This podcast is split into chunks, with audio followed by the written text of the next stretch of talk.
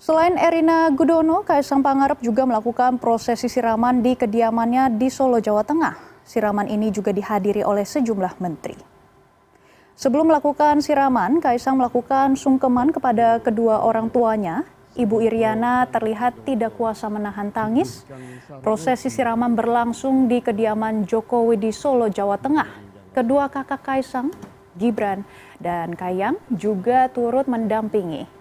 Beberapa menteri seperti Mahfud MD dan Luhut Binsar Panjaitan juga terlihat hadir pada prosesi siraman.